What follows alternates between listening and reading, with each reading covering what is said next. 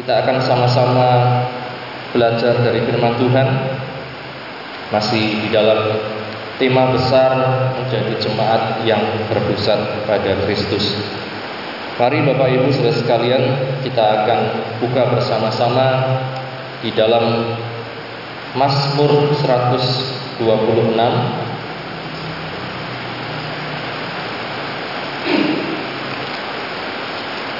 Mazmur 126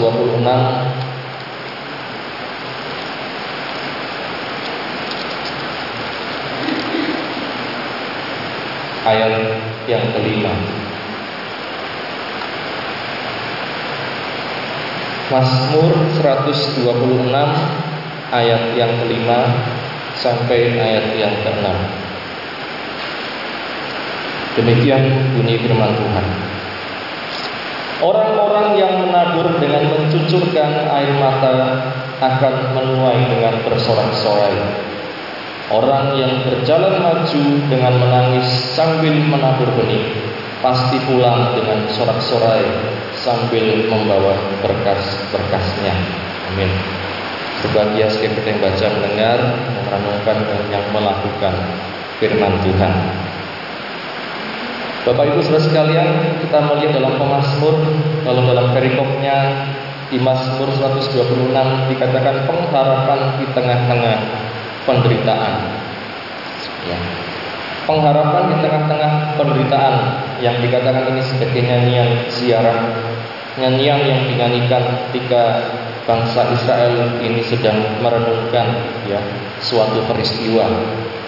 Dan dikatakan mereka mengatakan Orang-orang yang menabur dengan mencucurkan air mata akan menuai dengan bersorak-sorai.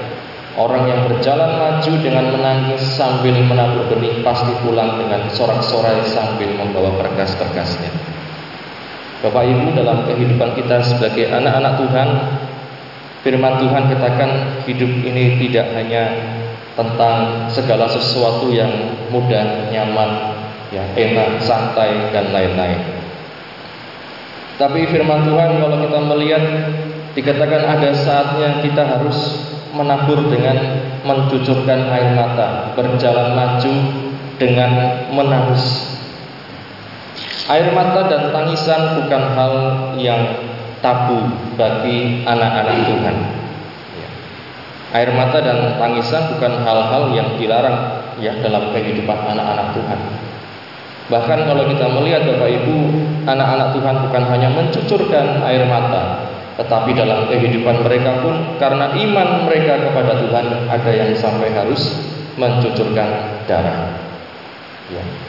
Jadi Bapak Ibu Saudara sekalian, dalam kehidupan kita kalau kita melihat kalau kita mendengarkan berita, ya, kalau kita mungkin melihat kenyataan di dalam dunia ini, hamba-hamba Tuhan, anak-anak Tuhan yang berada di tempat-tempat yang rawan konflik, aniaya, ancaman, intimidasi dan lain-lain. Kita melihat Bapak Ibu mereka harus menghadapi berbagai macam kenyataan, ancaman, ya. bahkan bukan hanya air mata, bahkan darah juga dicucurkan, darah juga dicurahkan. Ada yang sampai harus menjadi korban dan lain-lain. Dan Bapak Ibu sudah sekalian, kalau kita lihat sebagai umat Tuhan, sebagai orang Kristen, ini bukan sesuatu yang uh, mungkin begitu luar biasa. Ya. Tapi kita lihat dalam perjalanan hidup umat Tuhan, umat Kristen dari zaman dulu sampai sekarang, ada dikatakan berbagai macam rintangan aniaya karena apa? Karena nama Tuhan. Ya. Dan di sini Bapak Ibu sudah sekalian ada penderitaan tetapi ada juga harapan bagi setiap umat Tuhan, orang percaya. Ya. Kalau kita melihat dalam surat 2 Korintus 2 Korintus pasal yang keempat 2 Korintus pasal yang keempat ayat yang ke-16 sampai ayat yang ke-18 2 Korintus pasal 4 ayat 16 sampai ayat yang 18.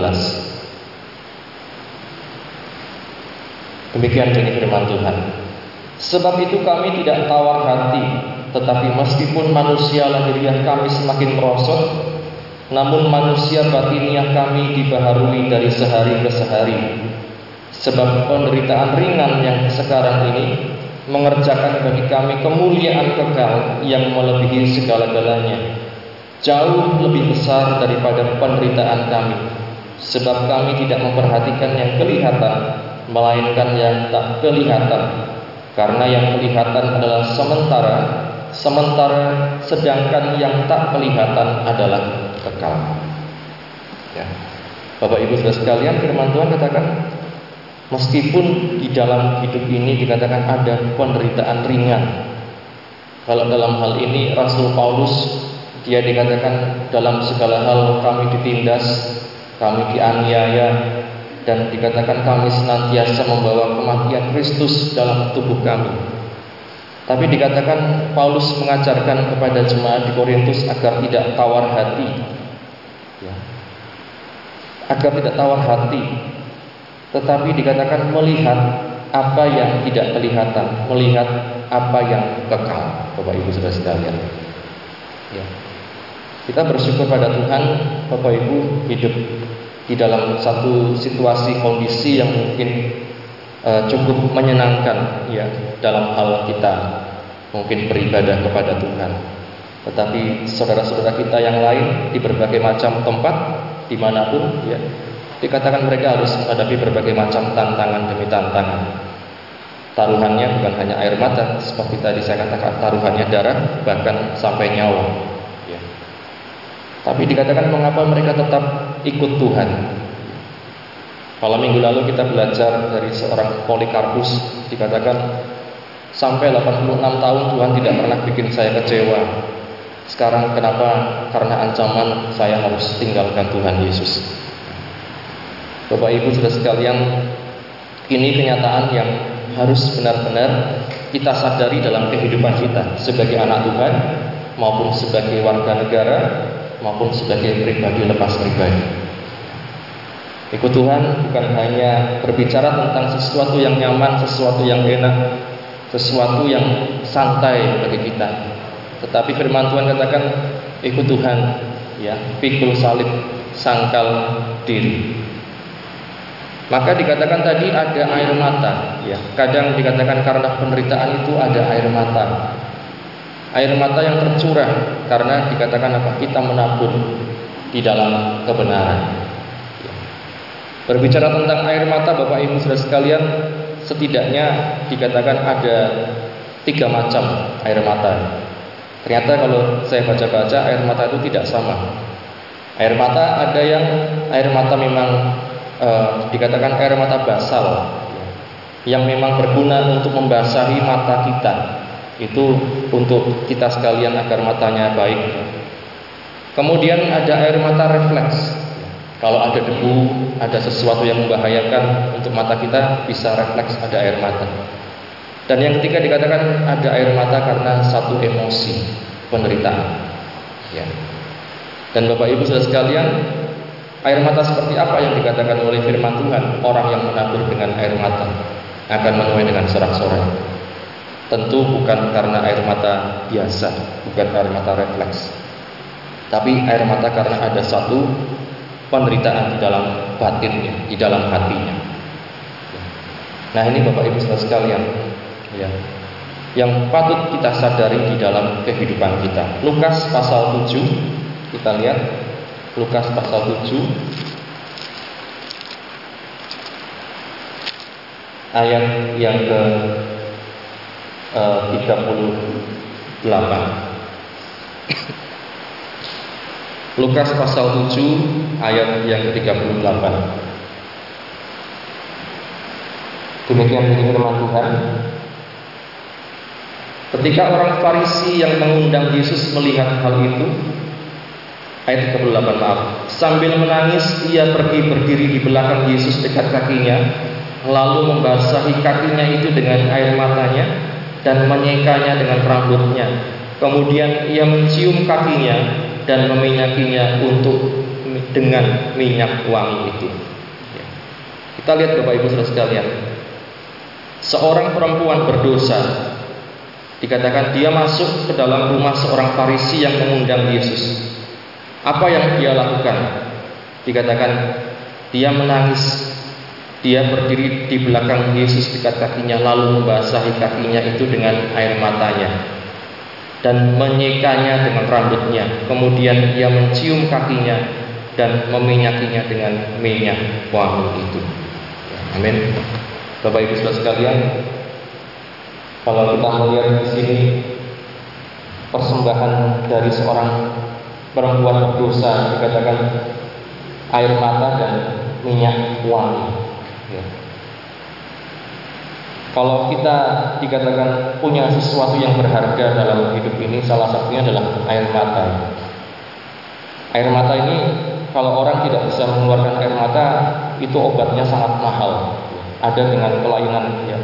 Orang yang tidak bisa menangis, tidak bisa mengeluarkan air mata, dikatakan itu kelainan. Harus ada obat yang mahal untuk membasahi matanya. Tapi kita melihat di sini, ketika kita sebagai manusia normal, Bapak Ibu saudara sekalian dikatakan kadang ketika ada masalah, ada penderitaan, ada tekanan, air mata itu bisa tercurah. Dan Bapak Ibu Saudara sekalian sebagai anak Tuhan dikatakan salah satu yang paling patut untuk kita persembahkan ya. Salah satu pribadi yang paling patut untuk kita berikan air mata, persembahkan air mata itu adalah Tuhan Yesus. Ya. Kalau kita air mata hanya karena baper, hanya karena mungkin kisah cinta, ya, Mungkin karena apa ya, masalah dalam dunia ini Bapak Ibu Saudara sekalian maka sadarilah seperti perempuan ini ya. Air mata itu harusnya buat Yesus. Kalau ada masalah, datang pada Tuhan Yesus. Jangan hanya kemudian kita mengasihani diri kita sendiri dan kemudian kita menangisi diri kita sendiri. Tetapi persembahkan air mata itu untuk Tuhan Yesus bukan untuk yang lain. Ya. Nah, Bapak Ibu Saudara sekalian dikatakan persembahkan untuk Tuhan. Sebab apa dikatakan dalam hidup ini seperti tadi dimungkinkan ada penderitaan, ada ancaman, ada aniaya, ada tekanan dan lain-lain. Satu Petrus kita melihat pasal yang keempat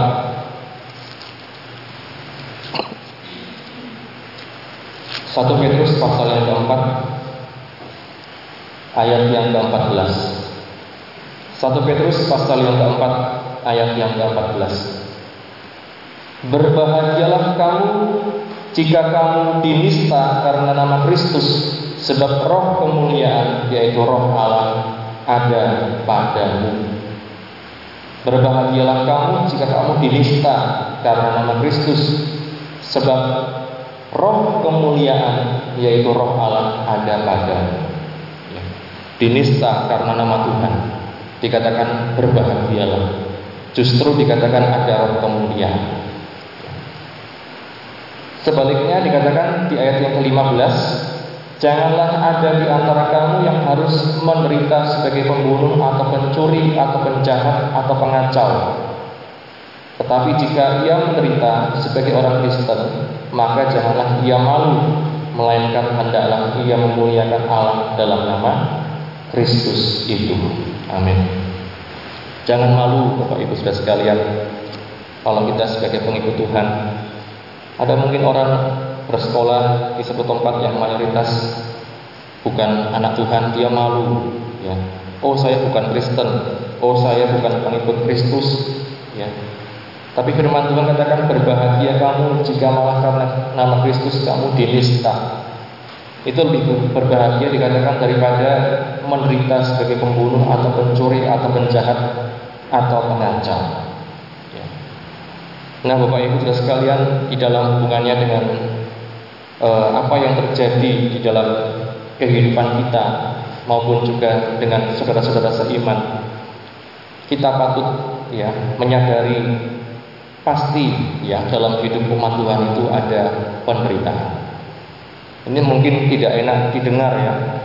Tetapi kalau saya katakan seperti yang firman Tuhan katakan pasti ada penderitaan. Justru dikatakan kalau ada roh kemuliaan di atas kita dikatakan kita itu bisa menderita karena nama Tuhan. Karena nama Tuhan bukan karena yang lain. Dan sebagai tubuh Kristus dikatakan ketika saudara kita menderita di tempat lain, seharusnya kita juga ada rasa yang sama dengan mereka. Kita buka dalam kisah para rasul Bapak Ibu Saudara sekalian pasal yang ke-9 Kisah Rasul pasal 9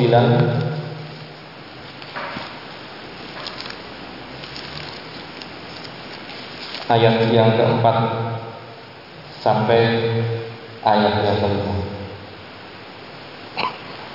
Kisah Rasul 9 ayat 4 sampai 5 Ia rebah ke tanah dan kedengaranlah olehnya suatu suara yang berkata kepadanya Saulus, Saulus, mengapakah engkau menganiaya aku? Jawab Saulus Siapakah engkau Tuhan? Katanya Akulah Yesus yang kau aniaya itu ya. Kita lihat Bapak Ibu sekalian yang dianiaya Paulus siapa? Jemaat Tuhan di berbagai macam daerah bahkan sampai dia mau ke Damsik dia mau menyiksa anak Tuhan orang-orang yang ikut jalan Tuhan tetapi di tengah perjalanan dia mengalami satu perjumpaan dengan Yesus dikatakan Saulus Saulus mengapa engkau menganiaya aku yang dianiaya adalah umat Tuhan yang terasa sakit itu Tuhan Yesus yang dianiaya di bumi, yang sakit di atas. Ya. Anak Tuhan, Bapak Ibu Saudara sekalian, kalau kita lihat di dalam kehidupan kita pun demikian. Ketika umat Tuhan dikatakan mengalami berbagai macam penderitaan, dikatakan Tuhan Yesus bisa merasakan. Ya. Tuhan Yesus bisa merasakan. Sebab apa? Kita adalah anggota-anggota tubuh Kristus. Dia adalah kepala. Maka seperti tadi Bapak Ibu sudah sekalian, kalau kita hanya karena satu masalah di dunia ini kemudian sudah merasa paling menderita, kalau kita hanya karena masalah apa selalu ya mengasihani diri kita sendiri, merasa paling menderita. Ya. Mari Bapak Ibu kita ingat dengan saudara-saudara seiman kita yang lain. Ya, kita buka dalam 1 Korintus pasal yang ke-12 1 Korintus pasal yang ke-12 ayat yang ke-26 sampai ayat yang ke-27. 1 Korintus pasal 12 ayat yang ke-26 sampai ayat yang ke-27. Karena itu jika satu anggota menderita, semua anggota turut menderita. Jika satu anggota dihormati, semua anggota turut bersuka cita. Kamu adalah tubuh Kristus dan kamu masing-masing adalah anggotanya. Kalau kita disatukan dalam tubuh Kristus dikatakan yang satu menderita, yang lain ikut menderita. Terasa. Ya. Kalau kita melihat ada yang menderita tapi kita tidak merasa menderita, itu artinya kita mungkin perlu dipertanyakan, ya, connect apakah kita connect dengan Tuhan di dalam kehidupan ini. Kalau ada saudara seiman kita yang menderita kemudian kita merasa acuh tak acuh. Ah yang penting saya aman. Yang penting itu bukan kejadian di tempat saya. Yang penting itu bukan kejadian di dekat saya. Bapak Ibu kita perlu kembali melihat apa yang dikatakan firman Tuhan kalau satu anggota menderita yang lain ikut menderita. Di dalam e, perjuangannya jemaat mula-mula mereka punya satu moto prinsip yaitu tidak ada mahkota tanpa salib. No crown without cross. Tidak ada mahkota tanpa salib. Kalau kita bayangkan Bapak Ibu Saudara sekalian apa yang terjadi dalam uh, pribadi Tuhan Yesus, dia harus menderita terlebih dahulu baru dia dipermuliakan oleh Tuhan. Sayangnya kemudian moto ini malah digunakan untuk orang itu berperang satu sama yang lain ya zaman dulu. Salah satu namanya adalah perang salib ya. Mereka pakai moto itu untuk membunuh orang. Nah, ini salah kaprah Bapak Ibu Saudara sekalian. Apa yang rohani kemudian kita gunakan sebagai prinsip untuk membenarkan apa yang jasmani hanya untuk menuntaskan dendam. Prajurit-prajurit zaman dulu, prajurit Kristen Bapak Ibu di dalam e, jubahnya atau di dalam e, perlengkapannya mereka pakai logo itu tidak ada mahkota tanpa salib, tapi kemudian mereka bunuh banyak orang yang berbeda iman dengan mereka. Nah ini Bapak Ibu dipergunakan untuk hal yang salah. Nah Bapak Ibu saudara sekalian firman Tuhan katakan kalau kita sebagai umat Tuhan bukan begitu caranya, ya bukan begitu caranya. Dan ini yang perlu kita perhatikan dalam kehidupan kita. Firman Tuhan katakan peperangan kita itu bukan melawan darah dan daging, tetapi melawan roh-roh jahat di udara. Melawan apa? Tipu muslihat iblis. Ini Bapak Ibu Saudara sekalian yang patut kita renungkan di dalam kehidupan kita. Jangan kita balas kejahatan dengan kejahatan. Ya, tidak akan selesai. Ya, orang Kristen mungkin mengalami aniaya, kemudian di tempat lain orang Kristen menganiaya orang lain. Itu bukan nilai Kristus, bukan nilai Tuhan Yesus seperti ini. Tetapi justru dikatakan ketika kita mengenal pribadi Tuhan Yesus, kita tahu justru di saat itulah orang Kristen di, uh, diminta untuk menunjukkan nilai Kristennya itu seperti apa. Ya, Bapak Ibu Saudara sekalian, kita melihat di dalam kehidupan kita perjuangan kita bukan melawan darah dan darah dan daging. Ya. Satu perjuangan kita kita dalam Ibrani pasal yang ke-12 Ibrani pasal 12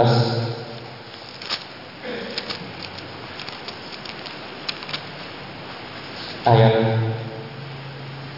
yang ketiga sampai ayat yang keempat. Ibrani 12 ayat 3 sampai ayat yang keempat. Ingatlah selalu akan dia yang tekun menanggung bantahan yang sehebat itu terhadap dirinya dari pihak orang-orang berdosa, supaya jangan kamu menjadi lemah dan putus asa dalam pergumulan kamu melawan dosa, kamu belum sampai mencucurkan darah. Ya. Bapak Ibu, salah satu pergumulan kita melawan apa? Dosa. Ya. Kalau kita sebagai anak Tuhan, tapi kita tidak merasa kita harus menjauhkan dari dosa. Kalau kita sebagai anak Tuhan, kita tidak merasa harus fight, ya, melawan dosa. Kita pikir sudahlah jadi Tuhan yang penting selamat berdosa tidak apa-apa, kebiasaan jelek sedikit-sedikit tidak apa-apa. Firman Tuhan katakan Bapak Ibu, perjuangan pergumulan kita melawan dosa, ya. Kita dalam berjuang melawan dosa, bergumul melawan dosa, belum sampai mencucurkan darah. ya.